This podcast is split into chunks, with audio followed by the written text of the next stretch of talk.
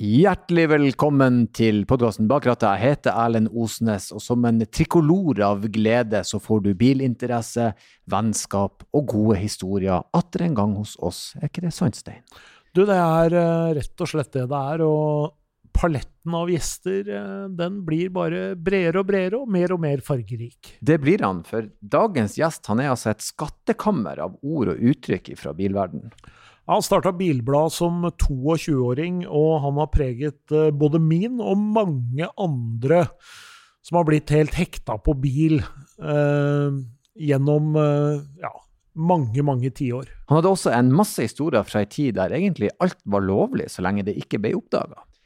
Dagens gjest er magasingründer og redaktør i eget bilblad, Ronny Krabberød. Og det, Stein, var Her var det historier. Det er bare gleder seg.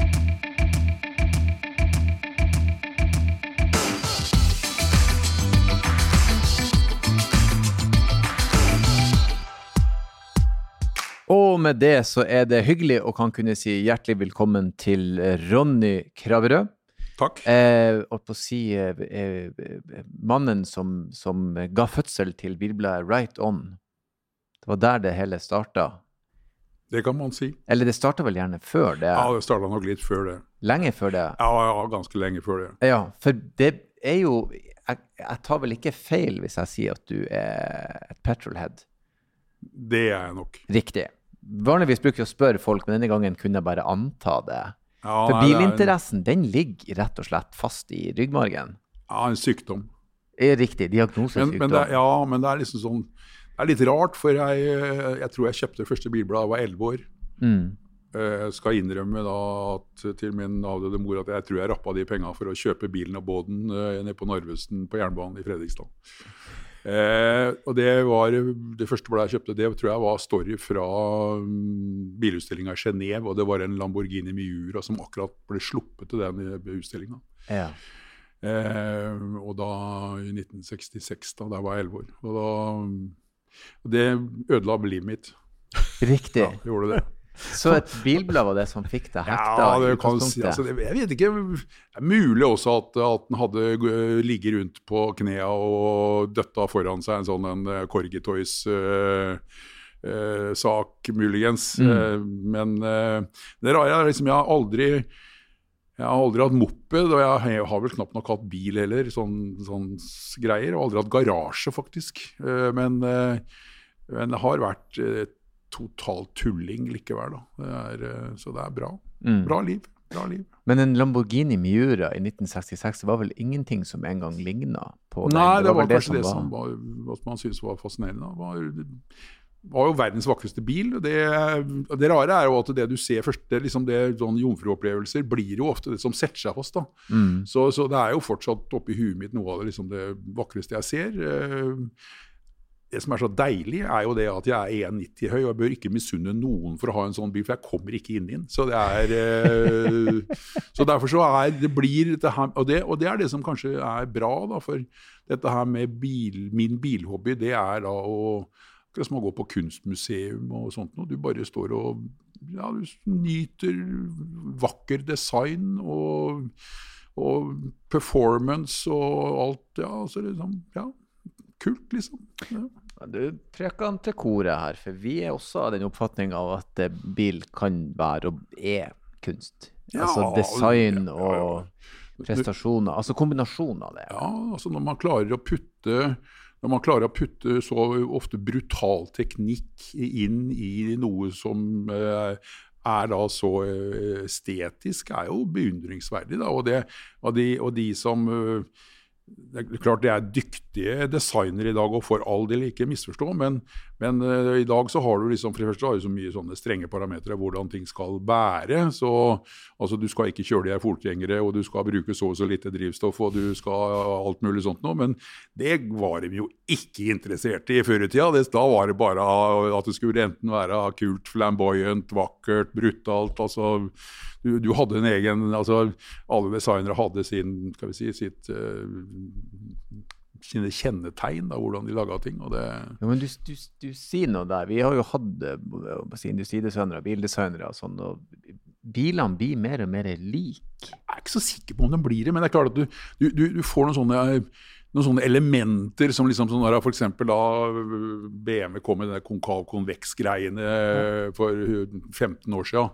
Og vi alle sto og så på og syntes det var dritstygt, for å si det rett ut, Og se på biler i dag. De har jo alle sammen, og ut og inn, og, og elementer og Ja, nei, det, men men, eh, og så plutselig så bestemmer seg at nå er, det, nå er det for mye igjen, og så, og så strammer man til. Og så ja.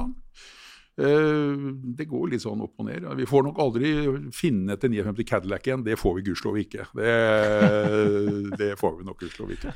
Så er det noe med at uh, dette greiene skal jo i produksjon også. og det skal, uh, husker Jeg snakka med Henrik Fisker. liksom, Han sa det at han, han jobba en stund bare med å tegne sånne one-off-biler. Uh, og bygge de. Altså, det var jo utrolig befriende, liksom. For når en designer tegner en bil, så du ser jo alltid han har svære hjul, han har lange dører han har liksom, Alle sånne ting er ekstreme. Men så, når du skal produsere det, så kan du ikke ha det sånn. Nei da. og det er jo, hvis du, hvis du ser på, det er jo langt tilbake i tida òg. Hvis du ser tegninger fra 30-tallet, så ser du jo at de har på en måte dratt proporsjonene. Uh, selv om uh, mange av disse åka var jo seks meter lange og, og hadde 30 toms hjul, eller var sånn helt Når du ser f.eks. sånn der Bugatti Royal, så tenker du at ja, Hvis du bare ser bildene men, men, så setter du en person ved siden av, så skjønner du, så skjønner du han er stor som en buss. vet du. Mm. Eh, men når han er alene, så, så er han velproporsjonert likevel. Altså, det er, eh, nei da, det har, det, som sagt, det er en uh, skjære seg veldig, som jeg sier. Jeg, jeg, er lykkelig. Jeg går rundt bare og skriver om gammel drit. Da. Eh, sånn i gåseøyne, gammel drit. Og, og, bare kan Ja, du ser på epoker som har vært, og suksesser og fiaskoer. og er jo en industri som har overlevd nå i snart 150 år, så det er jo imponerende sånn sett. Så det, mm. ja. Men den bilinteressen da, som gjorde at du rappa de pengene og gikk og kjøpte det bladet, hvor eh, kommer den fra da? Nei, kom, jeg vet ikke. Nei, falt, bare... ned fra, falt ned fra himmelen. Ja. ja. For du har ikke vokst opp i et hjem ja, hvor Guds, bil var viktig? Nei, Det må være Guds gave til menneskeheten. Det må være noe sånt nå, tenker jeg. Nei, jeg vet da rakkeren. Nei, vet du altså, det, ligger kanskje i alle sånne eh, smågutter at vi er, er brum, brum og alt sånt noe. Så, men det var jo ikke mye å se på i gata. Jeg husker jo eh, 66, hva var det da? Ja, da hadde mutter'n og fatter'n eh, vi hadde vel en sånn Opel Olympia som kom i 61 da det ble sluppet fri. da, Blå og hvit, som Fattern smasha noe realt med meg fra baksetet, så jeg fløy gjennom og bang. Det er derfor jeg har fått så jævlig oppstoppernes. For jeg tok akkurat det dashbordet her. Eh, nei da, det var ikke litt ljug da, men eh, Og så kjøpte vi 64 Opel Olympia ny, husker jeg. Jeg var helt sint. Man hadde to årslønninger eller sånt noe, vel, eh, for å få til det. Eh, som jeg for øvrig krasja intenst da ti år etterpå. Eh, da lærte jeg hvordan at man skal prøve å bruke huet når man kjører bil. Og Det var ikke særlig smart, men jeg overlevde og jeg tok ikke skada noen, og det var bra. Shit, men Så da, eh, ti år etter, hadde du tatt lappen da? Nei, det var jo 74 da jeg tok lappen, så jeg er ikke så gammel. Eh, men nei da, altså vi hadde Så vi liksom Det var jo ikke mye biler å se på, du så ikke noe, du så ikke noe tøffe biler i gata. Det var ikke noe eksotisk? Nei, det var jo ikke det. Det var jo folkeogner og gamle taunhuser og alt sånt noe. Ja. Mm.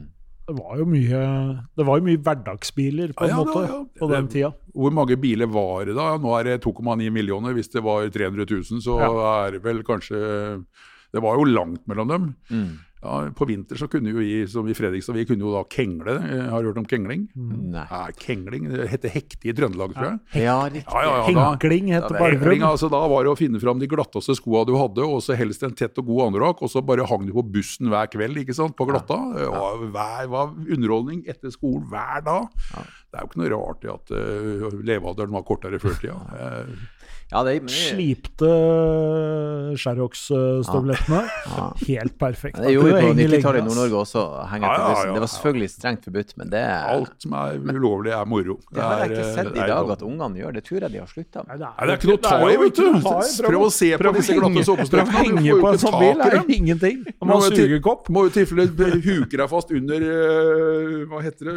Under bagasjerommet, akkurat der hvor den knappen er. Så du risikerer at du åpner bakluka hvis du henger i den. Så det, nei da, det er øh, Det var bedre før, sånn akkurat på det området. Jeg likte det ordet der. Kengle, ja.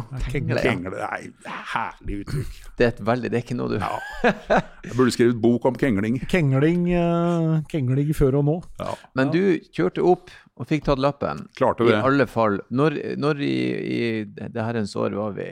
74. 74. Kjørte opp den lappen igjen da og var russeformann uh, samtidig. Og skulle opp egentlig muntlig, tror jeg, dagen etterpå. Hadde 40 feber og, og lå i influensa hele russetida. Det var genialt! Var ikke bakfull én dag i russetida. Det Sparer litt penger da òg, da. Det ja, det er jo godt mulig, men det ble, det ble ingen knuter og ingenting. vet du. Det var er helt tragisk. Men lappen ble det. Lappen fikk jeg. Tok han på første? Ja. Against all odds. Ja. Against all odds. Det var helt Jeg klarte til og med å altså, Jeg har jo aldri vært glad i å lese, da, så det var på, på skolen. Så jeg husker jeg var på kjørte, og så, så mente han der Han hadde en sånn en, en som heter Kørner, tror jeg. En sånn, en, alle var livredd for Kørner. Han som var uh, biltilsynscalla.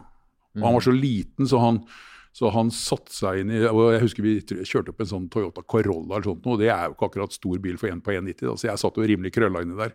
Og han var vel 1,52 eller sånt, tror jeg. Og, og kom med puta si da, og la henne på, på passasjersetet og liksom satt han og titta og så opp på meg, da, selv om han hadde pute. Ja, du har det kanskje litt trangt der, sånn. Ja, sa jeg. Det var ikke akkurat jækla svær plass. da, og Jeg var ute og kjørte, da, og han, eh, han var veldig streng. da. Husker jeg, Da kjørte jeg skulle ned på en sånn Rollsø-vei mellom Fredrikstad og Sarpsborg. og Der var det markering tvers over veien og full stopp og greier. og Jeg bare kjørte over den da, og gled liksom ut i krysset. Og, og så sa han til meg etterpå da, at du, du, du Der oppe, hva gjorde du der? Å ja, så du mener at jeg skulle stått bak den streken der? Ja, men faen, sa jeg, Da hadde vi jo stått der fortsatt, sa jeg, for jeg hadde jo ikke sett noen ting.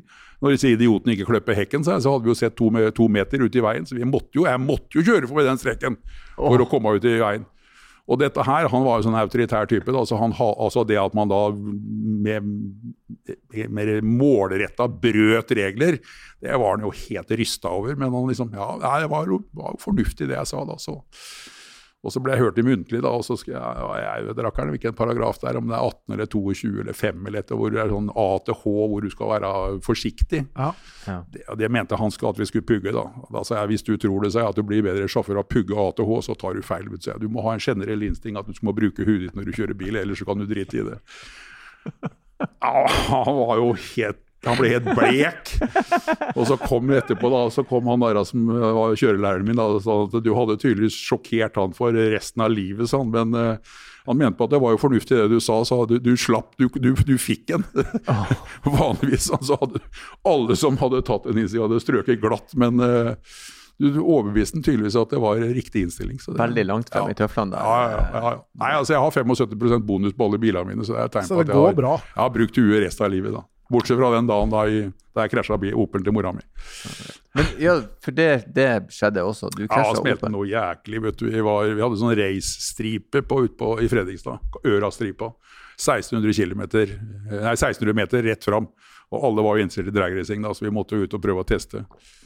Så jeg tror det var 21.12.1974 klokka fem over ni. Da var jeg ute og prøvde å måle topphastigheten på Opelen til mora mi. og det og Det blåste så motvind at han gikk bare 110 utover, så måtte jeg ta han hjemover òg, da. Og da gikk det 140. Ah. Uh, ute på det industriområdet. her, ja, ikke bra i det hele tatt. ikke sant? Og Jeg hadde jo liksom lest sånn Formel 1-blader, at du bare liksom gikk ut og skar svingen og alt sånt. Da, for å, ja, jo ikke bra. Så jeg bomma på en sånn lysmast med noen centimeter, gudskjelov, ellers hadde jeg ikke sittet her. Og så var det vel 30-40 meters grensespor, og så feia ned en koblingsboks til E-verket og mørkla hele området. Og alle satt og venta skulle se på Sportsrevyen den søndagen. Så, så det, var, det var festforestilling. Mørkla nabolaget. Mørkla hele nabolaget. Alle drev og forvarma på rimba og skulle se på Sportsrevyen og alt sånt. Og det, da ble det kav mørkt i området der. Ouch. Så nei da, så måtte jeg ringe til politiet da, og si at jeg hadde forbrutt meg. Eh, og de hadde jo ikke lyst, for de skulle se på Sportsrevyen. Og, da, og de rykka jo ikke ut hvis ikke det var personskade. Så spurte han om det var noe personskade. Ja, jeg må innrømme det, at jeg blør litt fra ringfingeren, for at den tok i, den tok i hornringen. Men bortsett fra det så er det ingen skader. Nei, da er det ikke så farlig sånn. Da tar vi det en annen gang. De hadde ikke lyst til å røkke ut. En Så- annen gang. så ble jeg innkalt da, noen dager etterpå, da, og da, da var det vel på den tida så Nei, Det var jo 50 vet ute i det det industriområdet der, så det var jo ikke, var jo ikke smart. Men uh, man var, jo ikke gamle karen, så Og da var det sånn Ja, du, du kjørte for fort, liksom. Ja, ja. Nei, jeg så ikke på speederen, men jeg kunne ikke har vært over 70. 30 meters grensespor selv med en gammel Opel, det er uh, lite sannsynlig. Men altså, jeg fikk 500 kroner i bot da, og det er vel uh, en av de få jeg har fått gjennom livet. Men lærte meg én ting. Det var enkelt og greit, Ronny, nå har du hatt så drita flaks. Du har ikke drept noen, du har ikke drept deg sjæl. Du har ikke gjort noe mer skade enn å legge ned en koblingsboks til EU-verket og bytte hele, alle frontdelene på Opelen til mora di. Så det der gjør du ikke en gang til. Du tar, tar ingen sjanser når du er ute og kjører bil. Og det har jeg for så vidt levd etter. Altså, da, ja, det var bra. For så vidt en nyttig oppstramming. Ja, en jævlig nyttig oppstramming. Det er Gi unga smellen først med en gang, så at de lærer seg at de ikke skal drive med tull. Mm. Så lenge det går bra. Si. Men da var du altså da var du 18, da, og så regner jeg med du hadde kjøpt noen bilblader etter det første du kjøpte. Kjøpt mye bilblader. Ja, Nei, jeg hadde vel, Da jeg er ferdig på gym, da, så jeg hadde vel egentlig lyst til å bli, til å bli arkitekt, ja, faktisk. ja. Men så tenkte jeg vel det at herre jøsses, skal jeg bruke fem-seks år av mitt liv på da å studere til For alle, da kom jo alle inn, tror jeg. Selv med Ja. min slakke min slakke artium, som det het på den tida. Så, så det ble Da tenkte jeg nei, konjunkturer og herregud, enten så jobber du i hjel, så er du arbeidsledig, og det gidder jeg ikke. Så, og så skulle jeg bli fotograf. Og da var det sånn worldwide reporter. Da. Vi var jo litt politisk. Vi gikk jo i militærjakker og Ja, ja. hadde langt hår og var anarkister og halvt tokskaller, for å si det sånn. Så skal jeg bli det, da. Men det viste seg at det var ikke så jævla lett. Da Da tok jeg ett år på fotolinja for å lære å fotografere. Sånn, eller såkalt lære å fotografere. Og så havna jeg da i en eh, fotobutikk og satt og jobba der et par år. eh, På Farbelab og liksom Det var dritkjedelig. Og det var da jeg bestemte meg for at uh, dette her var vel da i 6 og 6-77, sånt noe vel. 77, 76, 76, tenker jeg. Og da hadde akkurat kommet et et Amcar hadde kommet til Norge. Og jeg må jo være ærlig og si at jeg syns det var så bedritent dårlig. Så, øh, for da var det liksom, da var det noen svenske blader som heter Colorod, som var liksom mye mye bedre. Da, mye mer farver og mye sånt. Og da tenkte jeg det må jo kunne gå an å lage sånt i Norge òg.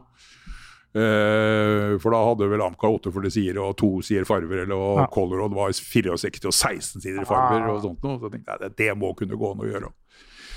Det sa han som hadde to i norsk da han skulle begynne å bli redaktør. Det er jo helt på trynet, vet du. Det er ikke mulig. Så, men øh, ja, bestemte meg for det. da, Og det mars 1978 så kom første utgaven. Ja, Det må jeg si.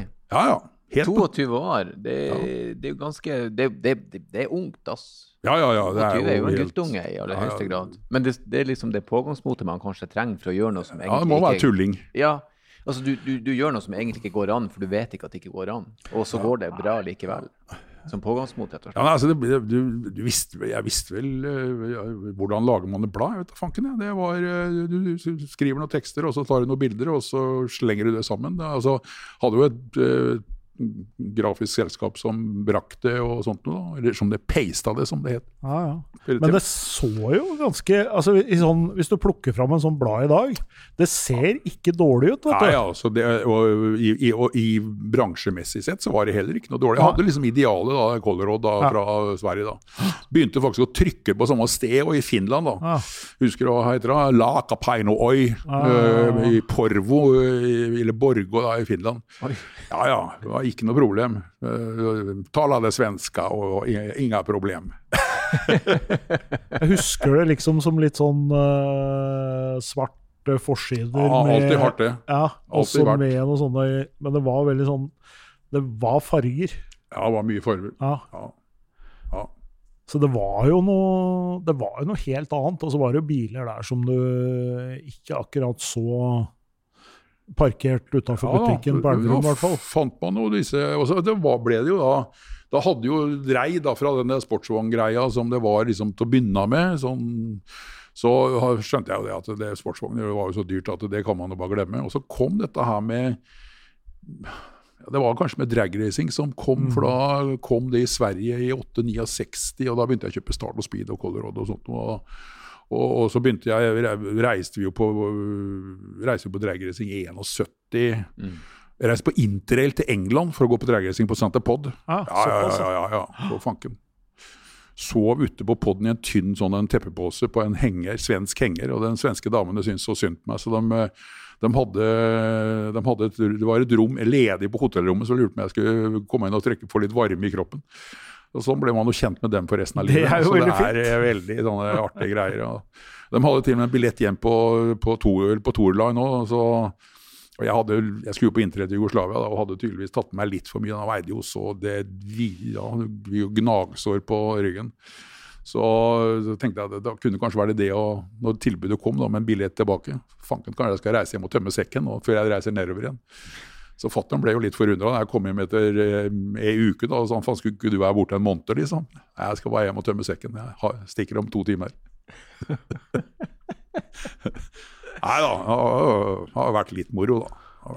Ja, for det var øh, Ja, for da var det jo sånn at øh, Men, men hvor lå bilinteressen da, liksom, da? Når du skulle Eller var det bilinteressen din som på en måte styrte hva slags biler du skrev om? Ja, altså, det var det vel for så vidt, for da hadde jo dreia da Altså, Det var ikke mange fete sportsspillere i Norge i, på den tida. Nei. Det kan man jo være ærlig å si. Eh, så, så, men, men da begynte jo denne hva vi kaller det, røsla. da, og Den våkna jo da sånn midten av 70-tallet. Og, og da hadde jo jeg liksom vært på dragracing da i fem år og, og truffet mange av disse folka da, som kjørte amerikansk og sånt. Og det, det er, altså Hvis du er litt petrolhead, så kan du jo ikke annet enn like lyden av en V8. Det er bare den låta som er i en V8. Det skal mye til for å slå, altså. Det, så, og så vi var jo unge og sånt noe, da, og det er klart, ryker av bakhjula, vræler fælt og går som et helvete, så er jo Ja, så, så tilfredsstiller jo det de fleste, da. Det gjør jo det. Eller de gjorde det i hvert fall. Ja, I dag er det vel politisk ukorrekt, men det, det Jeg vil, jeg vil ha den T-skjorta. Ryker bakhjula, vræler fælt og går det, Jeg vil ha det på ei T-skjorte. Det Men du, det er, det er jo essensen i den der Anne. Når du, hvis, du kan stå hvor som helst, og så hører du den lyden, og så snur du deg og se hva som Ja. er den der lyden. Der, Ja. der er det noe er den, er, den lyden er så viktig i, i Ja, det er jo det er dagens dilemma, da. Mm. Jeg har jo en kompis som har kjøpt seg en sånn en, eh, high price uh, batteribil. da. Så han måtte få med den lydpakka, da. Ja. Da sa jeg fy faen, er du blitt fjollete, eller? sa jeg. Du som liksom er i den berømte Hva hva faen, sa jeg, var ikke du i den der, den der eh, Facebook-gruppa Vi som hater Tesla-greier? Og, så- og så har du kjøpt deg batteribil, og så har du, er du så fegis at du driver og kjører sånn brum, brum på eh, sånn uh, høyttaler på den? Holder Ja. ikke. Ja, men det er noen som, som men der er, Jeg vet ikke hva jeg syns om det. En, en del er sikkerhetsaspektet, at, at, at mjuke trafikanter skal høre at du kommer. Så det skjønner jeg. Det må være en viss lyd der. Men må det være en, en motorlyd? Nei, det kunne være, kunne være opera, f.eks. Ja, det kunne vært hva som helst. Ja. det Kunne vært sånn som eh, var, var eh, Kellys helter. Han der av Donald Sutherland med Ja, ja. tanksen med sånne høyttalere og kjørte opera når de, skulle- når de angrep tyskerne. Det var jo Så Sånn kunne du hatt ute. Kom Ja. kjørende i gågata og sånt. Og med, Fiat 500 har jo, Fiat 500 har jo det på elbilen. Den spiller sånn eh, Den spiller eh, italiensk eh, en italiensk arie Ja, istedenfor sånn eh, vanlig sånn Sånn sum, summelyd. Det er gøy. Det er, det er veldig Ja, så det er jo noe å finne på nå, da. Men, Ja, men, men hvor fant du de bilene? Jo, altså det var jo det, det, det var jo ikke mange. For da hadde vi jo Det var jo forholdsvis strikse importregler og sånt. noe Da, og det kom inn mye muskelbiler til Norge på begynnelsen av 70-tallet pga. oljekrisa i USA. Så, og det, da var disse bilene veldig billige i USA.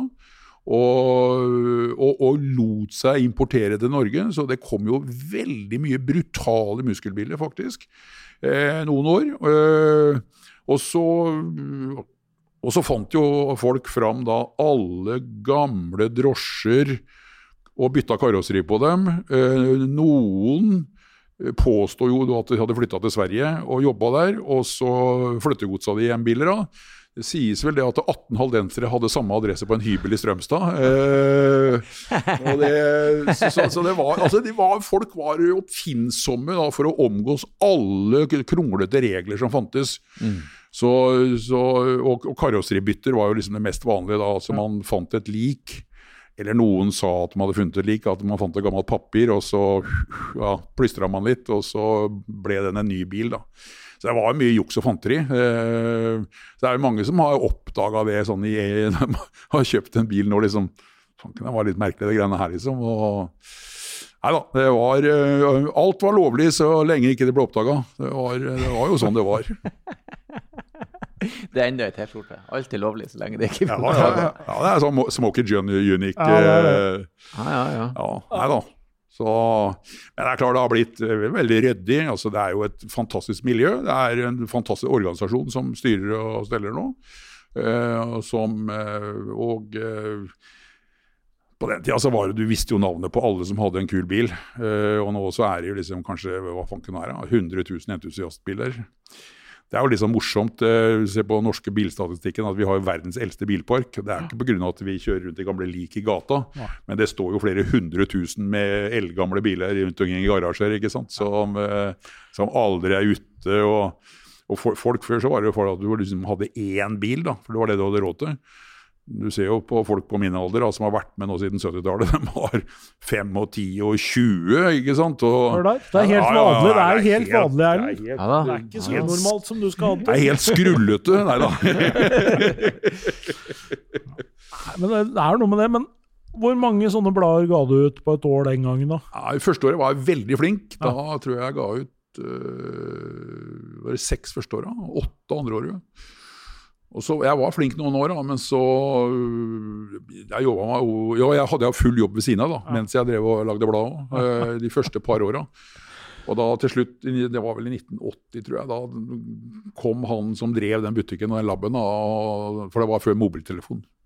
Ja. Og så var det noen som hadde fått greie på at øh, Ronny hadde et telefonnummer til, da, i tillegg til det jeg hadde hjemme. Mm.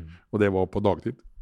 Så den da, ene dag sa han at det, det, er greit nok at du ringer til deg, sånn, men at når liksom det kommer flere deg enn til meg, så blir det litt dumt. og da skjønte jeg vel det at jeg ikke skulle jobbe der noe lenger. Så da, da, kastet jeg meg ut i det, som det het. Og eh, etter det så har jeg ikke gjort et ærlig arbeidslag. Riktig, så det var det som gjorde at du tenkte at du må være sats på det? Nei, altså da hadde jeg jo drevet bladet i to år, da, men ja. da, da, skjønte jeg jo det at jeg må slutte med tull der. Eh, så da etter det så har jeg bare gått rundt og kosa meg. Surfa. Mm. Levd livet? Ja, det må jeg jo si at jeg har gjort. Og hatt litt varierende utgivelsestakt, veldig eller? Veldig varierende. Det er lov å si det? Veldig varierende. Jeg, var, jeg, var, jeg kan ta på meg og si at jeg var verdens beste redaktør og verdens dårligste utgiver. Ja, det var det. Var Men når det først kom? Jeg var ett år. Eh, ett år så tror jeg det, det var vel i 84 eller noe sånt. Tror jeg. Det kom ut ett.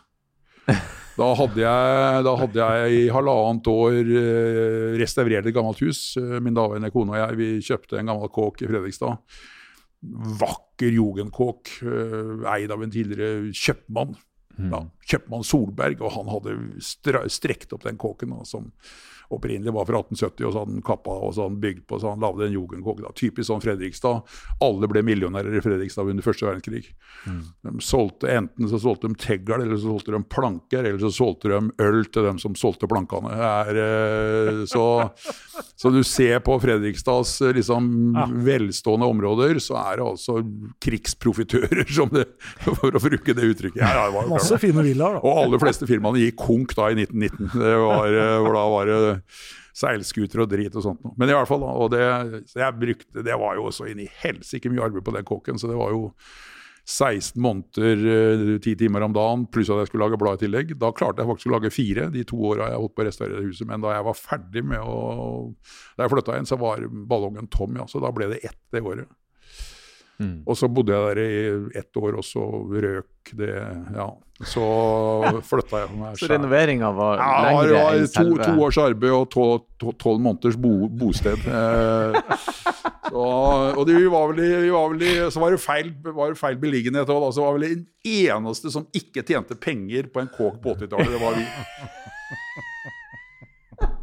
Så da måtte du lage bilblad igjen. Ett år selv og flytt. Flytt. Begynn på nytt igjen. Og så jobba jeg som bartender, for da var jeg rimelig lei. Så jobba jeg som bartender. Ja.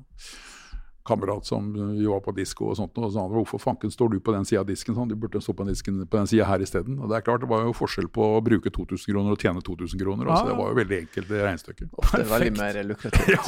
Perfekt vri. Men for en, for en, en, en eh, bi- bilentusiast, bilkjenner, eh, hva var din første bil der du, eh, som du fikk, som var din, på en måte? du Det var en eh, 1969 Ford 17M blå todørs sedan. Den hadde gått 248 000 km da jeg kjøpte den. Jeg betalte 12 000 kroner, og han som solgte den, han tenkte at den her kommer ikke til å vare ut av gården. tenkte han. Og den hadde jeg i halvannet år. Kjørte, kjørte ned nesten 50 000 km på halvannet år. Oi. Den var uh, gulvgir og greier. var Ja, ja. drittøft. vet du. Sånn der kort spak og nesten sånn Ja. pistolskifte og sånt noe. Todørs. Oi, todørs, ja. Flott. 1700 kubikk V4, vet du, var jo Men den tror jeg var den Jeg lurer meg ikke dette 300 000, så dro det vel Rådebanken eller sånt, noe, tror jeg. Så da gikk den på kroken. Mm. Og da Og da kjøpte jeg meg en eh, Det var vel i 79 kjøpte jeg meg en Chevrolet El Camino. 77-modell.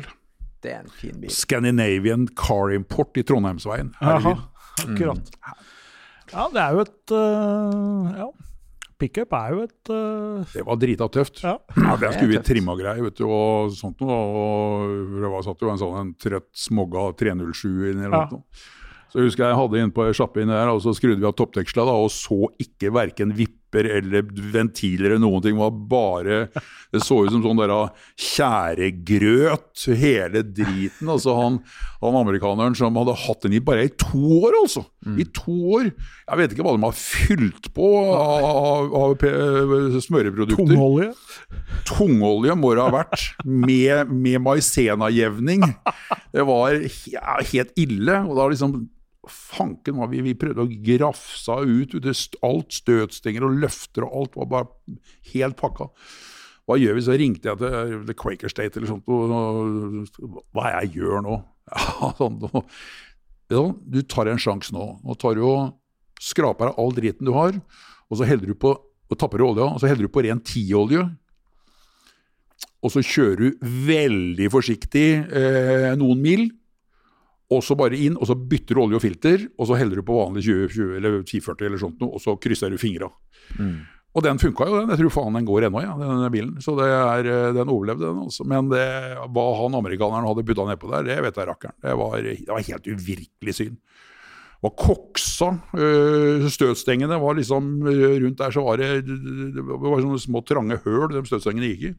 Det var helt, helt uvirkelig. Men det var drita moro. Jeg satte på dobbelt anlegg oppå en sånn eksossjappa oppe på, på Haslø. Og, og, og så monterte elektriske vinduer, for det er litt viktig. da, og sånt noe. Og hver gang du fikk en tunnel, så var det ned med begge vinduene og så plat, plate 307 da, og sånt noe. Og da var det, selv om det var bare 130 hestekrefter inn antageligvis, for det var jo jælsmogga så det holdt, så var det jo lyd for 500. ikke sant? Så det var jo lykkan ermen i kermen og høre på lyden. Men i her. Ermen i kermen er, øh, det er ekstremt viktig, altså. Ja, den skal ligge. Ja, ja, ja, ja, ja, ja det er ermen i kermen. Men det, og det var Caminoen, det var nummer to Det var bil nummer to av 77. Og så kjøpte jeg meg van i 82. Da var liksom vanbøla kom. Og Da fant jeg at van, sånne campinginnreda van var jo veldig praktisk, da, for jeg var mye rundt på treff og sånn. Så, og da, da var det vel en oppå på Lørenskog eller noe, tror jeg, som hadde kjøpt 100 sånne overliggere fra billig som rakkeren. vet du. Men, men det er jo ikke noe rart at den var billig. De var sikkert de skulle til Saudi-Arabia eller et eller annet sånt. noe. Det var altså maxivans med, med sekser, eh, manuell og ikke servo. Det var en utrolig rar kombinasjon. Ja. Eh, og jeg måtte selvfølgelig sette GT-ratt på, nå, en sånn lite GT-ratt. Og da, når du liksom har, har 2,5 tonn van, og så selvfølgelig måtte jo ha på breie hjul og ah, ja. lavprofildekk og sånt, og det var jo, det var jo virkelig sånn svettetokservo øh, når du prøvde å ta det rundt. Gikk ikke for kjettingratt, liksom. Nei, nei ikke kjent, nei, tjukk treratt. Tjukk treratt husker jeg hadde inn. Drittøft. Og sånn ordentlig sånn lang busspak i gulvet. Var, øh, og den redda livet mitt, den bilen der. For vi skulle på en utstilling i, her var jeg et par år etterpå, så skulle 85 tenker jeg, så skulle jeg på utstilling i Tønsberg, og så hadde vi bygd en sånn Folkong-roaster som prosjektbil. En sånn vanlig boble, skar av taket og lagde en dritkul roaster. Banka 250 luvers. Luvers er sånne lufteramper, akkurat som det er på sånne garderobeskap. Sånn, yeah. ja. Så vi var luvers i hele bilen, og, og, og metallplater, dørtrekk og sånt. Det skramla noe så forferdelig. Og øh, Kvikkservice uh, tuna motoren øh, Det var vel 130 gamp i den lille 1835, tror jeg. Det, og, og stingerpipe, én meter stingerpipe uten demping. Ja, ja, ja, ja, klart. Så vi skulle kjørt til Tønsberg med den. da. Og så var det meldt litt grufsevær, så tenkte jeg nei, vi lar den være. Vi, vi, vi tar den vanen isteden.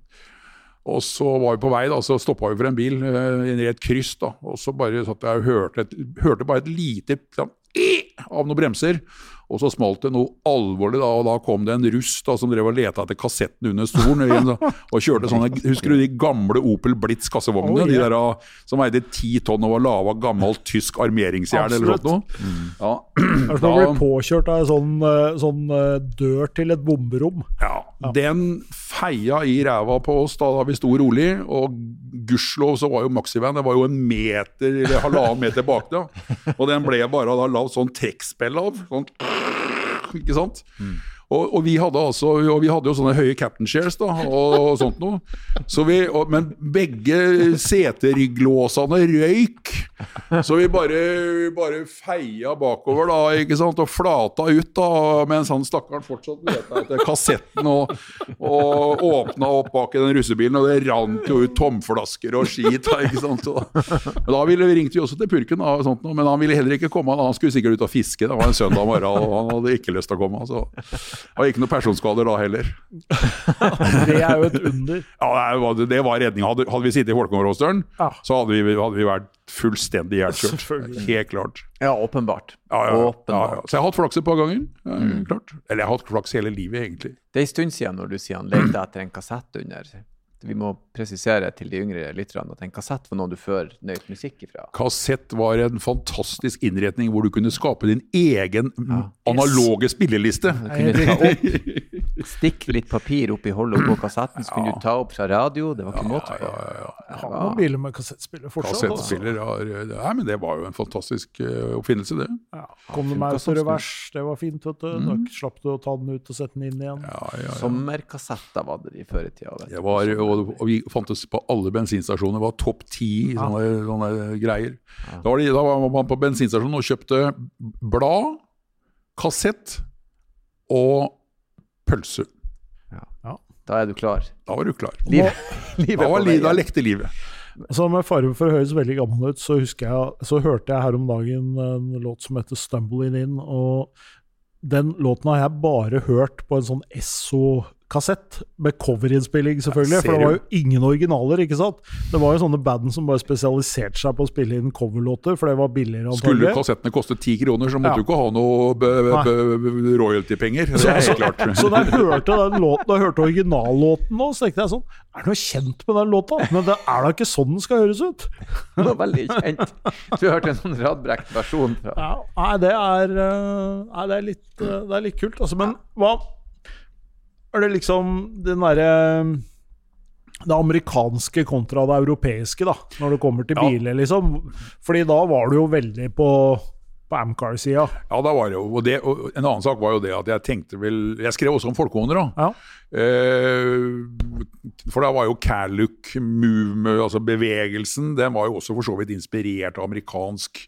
Altså Det var ikke, det var ikke 1303 med den største spoileren og sånt noe, men, for å prøve å lage Porsche'n, men gammel, gammel pøs som var bare dumpa i driten og i artige farger. da. Og den roasteren den var jo den artigste fargen av alle, for den var jo ordentlig, ordentlig skrikerosa. Eh, som jo da passa glimrende i 1984. Ja. Helt, eh, helt ypperlig. Så nei da, det var bedre før. Men eh, du har åpenbart hatt mange biler. Eh, eh, Nei, det har jeg ikke. eller Nei, nei, nei. For å si det sånn, hvordan av de bilene du, er det du har hatt så du tenker sånn Shit, den skulle jeg gjerne hatt enda, den burde jeg ikke ha latt gå videre. Har du noen som? Mottelø har vært verdens beste bil. Eh, 98 Chrysler Voyager.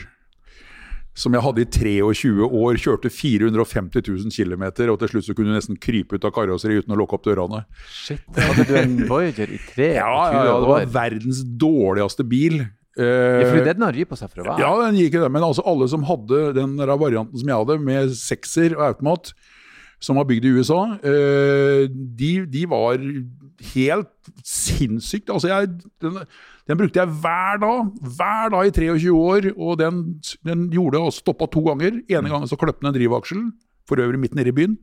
Og så tok jeg automaten hjemme i gården. Etter 350 000 km. Og da er det ok. Da har du hatt billig bil, altså.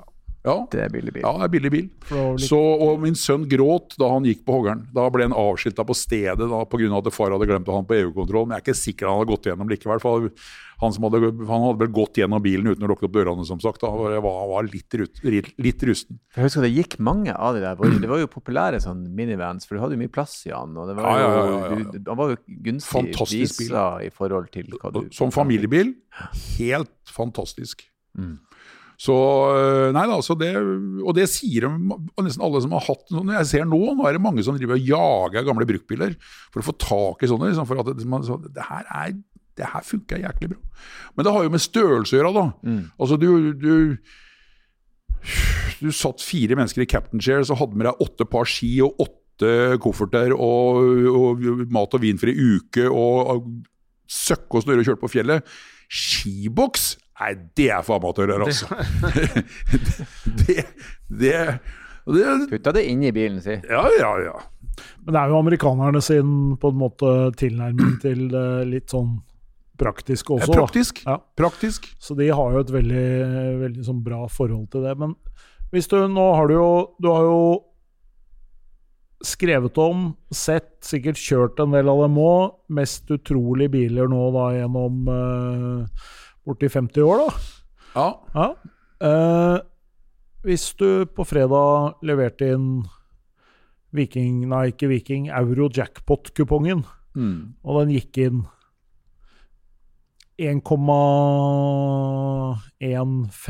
1,150000 Så det er milliard, eller? Rett over en milliard. Over en milliard? Ja, rett over en milliard. Altså, du kan er jo- kjøpe tre Ja, men det var jo en fyr her nå, han vant Ja. over en milliard. over en milliard. Ja, ja, ja. Nei, men jeg har jo skrevet om den da, for, for noen nummer siden, så var jo, da solgte jo Mercedes sin Olenhout Coupe. For den gikk jo for 1,3 milliarder. Au da, så da du bare døppa alt i én, Nei sånt? da, kanskje? men det, så det var jo Den er dritkul, den. Altså. Det. fins jo to eksemplarer av den, da. Ja. Men utdyp den. Tre, tre, altså det, vi snakker 1955. Vi snakker Mercedes 300 SL Mm. R, Mm. som var raceutgaven. De var jo åpne. Eh, som liksom de legendariske som Stirling Moss vant med Mille Emilia i 55 og sånt noe. Og Fangio kjørte og, og hva var fanken hva de hadde? 102 og 150 i snitt over 1000 km. På råtne italienske landeveier. Det er jo helt uvirkelig. Men uh, at Fangio kjørte alene da, og kjørte eh, bare noen par-tre kilometer langsommere, er jo enda verre. For, for Stirling Moss hadde jo tross alt kartleser som satt og Jenkins som satt der og leste eh, boka. Men da lagde jo han tekniske sjefen, uh, Olenhout på Mercedes, han fikk jo laga to kupeer. For altså den, den åpne bilen var jo ikke så strømlinjeforma som en kupé vil være. Mm. Problemet var jo at du kokte jo sjela di inn i den. Den var det jo så varm at du holdt jo på å daue. Mm. Eh, Så den ble jo aldri brukt. Og så krasja de jo på, på Le Mans i 55, og, og så stoppa de jo racevirksomheta si. Det var jo trist som pokker. For de var jo helt overlegne. De var helt sinnssyke. Og, den og da var det jo da Merce da, som tok dem da og var vel kanskje litt forbanna på at liksom Ferrari var den dyreste bilen for alle disse GTO og 250 GTO fra 263 som liksom var rula verden. Så hadde de vel bare bestemt seg for at den skulle de ta og knekke. Og så hadde de jo prøvd med den 100 hva var det, 196 Formel 1-saken som hadde gått for rimelig mye penger, og overraskende mye penger. Og så Alle visste jo det at den der Mercedes-Benz 300 SLR 722 som uh, Moss vant på med, med, med Meglia, det, det er antakeligvis verdens dyreste bil. Mest sannsynlig. Den kunne vi jo ikke selge. Den var jo bare én av. Mm. Så hadde vi jo to av den andre. Ja, ja. Og så dumpa de den, vet du. Og ikke den beste. Og den gikk altså da for 1,3 milliarder kroner. Jeg er jo helt på trynet, vet du. Så hvis du vinner 1,1, låner Låner 200 millioner. 200 til, og så klinker det til. Nei, altså. Men hva hadde du gått for? 1,1 milliarder. Du, du, drømmebilene dine, du kan tre stykker i garasjen din. Hva føler du måtte ha hatt? Ja, men vet du hva? Hadde jeg, hadde jeg bare fått litt penger, så hadde jeg brukt, uh, brukt, noen hundre tusen på å restaurert en Jensen Interceptor 74 eh, som jeg har stå, hatt stående i ti år. Så du har en Jeg har et lik av en Interceptor. Jeg, Den er kul, da. Ja, Dritkul. Og det er også 1966, vet du. Ja. Det var bare noen måneder etter Miura-opplevelsen. Ikke den den bakluka Det er den svære bakruta. Ja, ja, ja, ja, Nå er jo ikke det den verste bakruta, da, for den hadde jo Plymouth uh, Barracuda i 63. Den var jo en, Eller fem, ja, stemmer. Ja, 65, 65 kanskje. Ja, jeg stoler på deg. Uansett. 63. Så um, Nei da, vet du hva? Da jeg så bildet av den Jensen Interceptor, så var det også en sånn åpenbaring at fy fanken, så tøff. Og så tidløs. Mm. Og så ren og så clean. Mm. Og liksom Oi! Og den har alltid vært da, sånn der oppi huet, Jensen Interceptor. Og det visste da en kompis av meg, som da tilfeldigvis skulle en liten tur til, til eh, California for å kjøpe en uh, Austin Healy til sin kone. Mm. Så plutselig så ringte telefonen hjemme, da. Og så sa han Hei, Ronny, det er eh, Robin. Jeg er i San Diego og borte for å kjøpe Healy til, til mor. Og inni garasjen her så står det en Jensen Interceptor. Har ikke du, har ikke du lyst på en sånn en? Jo, så jeg har vel for så vidt det. Tenkt på det siden 66. Og det her var 19 eh, eller 2013 eller et eller annet. Jeg vet ikke når jeg var 12 eller hva det var. Mm. Ja, jeg har tenkt på det. Jeg skal ha 10 000 dollar for den og ser jæklig bra ut. Altså, for den var jo noe vanligvis kjent for å være noe rustlik, disse bilene. Mm. Eh, så så han ser bra ut i karosseriet. Tørr i interiøret og litt matt i lakken, men skit nå i det. Det, det ser bra ut. For det, det koster ikke penger. Ja, 10 000 dollar. Og 5 kroner, 5 kroner dollaren var jo på den tida, det var good old days. Perfekt. Så, så bilen sto hjemme på kaia, ferdig tolla og alt klart for 80 000. Og, og, jeg reiste inn til Robin, altså dere karosserimakeren i Moss. Eh, en av Norges absolutt beste karosserifolk. Sinnssykt bra. Uh, så, og da var det jo vri om. Og så vromma jo den der Jeg sitter jo tross alt en 7,4 liters V8-er på 335 hestekrefter. Og når han virka, det, 74 var jo et år av med smoggår, så det var jo litt, litt sånn at han virka så jæklig rapp, egentlig. Liksom, når, du, når, du, dro til den, så var det sånn rap, rap, ikke sant? Det var ikke den blum, blum, så det var litt Oi, svarte! Dette her var jo, her var jo krydder. Mm. Og var jo selvfølgelig ute på gata, da. Jeg vet ikke om, om det var med eller uten prøveskilt, jeg er litt usikker. Men vi måtte jo opp, opp et industriområde. Og det var jo platan i mattan eh, og bøle på, ikke sant. Eh, det en kanskje burde ha kjent på, at om den andre pedalen også virka, da. For det kom jo ned i svingen der, og det var jo ikke bremser overhodet i det gamle liket, ikke sant. Så det var jo sånn der desperat pumping da, for å prøve å få stopp på skitten. Og vi klarte jo det, da, så han er jo helt fortsatt. Og så var det oppe på verkstedet da, liksom, Fy faen, bremsene er død! Her er det et eller annet som er galt. Så var det jo da å prøve å få fiksa det. og en eller annen sånn satt en sånn en merkelig ventil, sånn, sånn, lasteventil, tror jeg, som drev og styra, og som hadde gjort et eller annet ugagn. da. Så fikk vi det. Og så da, da var jo det i orden, og så var det prøveskilter. Og så Jeg tror det her var rundt 17. mai, tror jeg faktisk. Jeg lurer på om ikke jeg har noen bilder av den hjemme i gården. 17. mai 2012-13. Kan jeg tenke meg, kanskje. Eh, men så tenkte jeg at jeg tar den, tar den på service til en kompis av meg som driver verksted. Og så, så gå gjennom det her så vi ser at liksom bytt filter og olje og, og, plugger og alt mulig, så at det liksom blir litt orden på det. Og Så skulle de begynne å stelle tenninga, da, og det var jo helt på trynet. Det var, det var jo helt gærent. Så stilte de meg som han skulle være, da, og da starta han ikke. Så det virka som amerikaneren hadde snudd det der av Et eller annet. Eh, den der svingningsdemperen ja. 180 grader omtrent. Nei, det var han har gjort, for ikke peiling. Men det, så de hadde jo liksom vridd på, vridd på, vridd på. vridd på, det, Så til slutt turte de ikke mer. Man var jo ikke så rapp som han var da første dagen. Så, Men så gikk det en stund, da, og så øh, Ja, det var så veldig rart. Måleren sa at han ikke var varm, men det røk sånn rart ut av panseret på han. da, Så da, han kokte jo som et villdyr. og og da vi åpna den, så var jo kammen nedslitt, og, så den, og da stoppa jo. Så jeg har hatt to turer fram og tilbake til Moss. Det er all gleden jeg har hatt med Jensen Interceptor.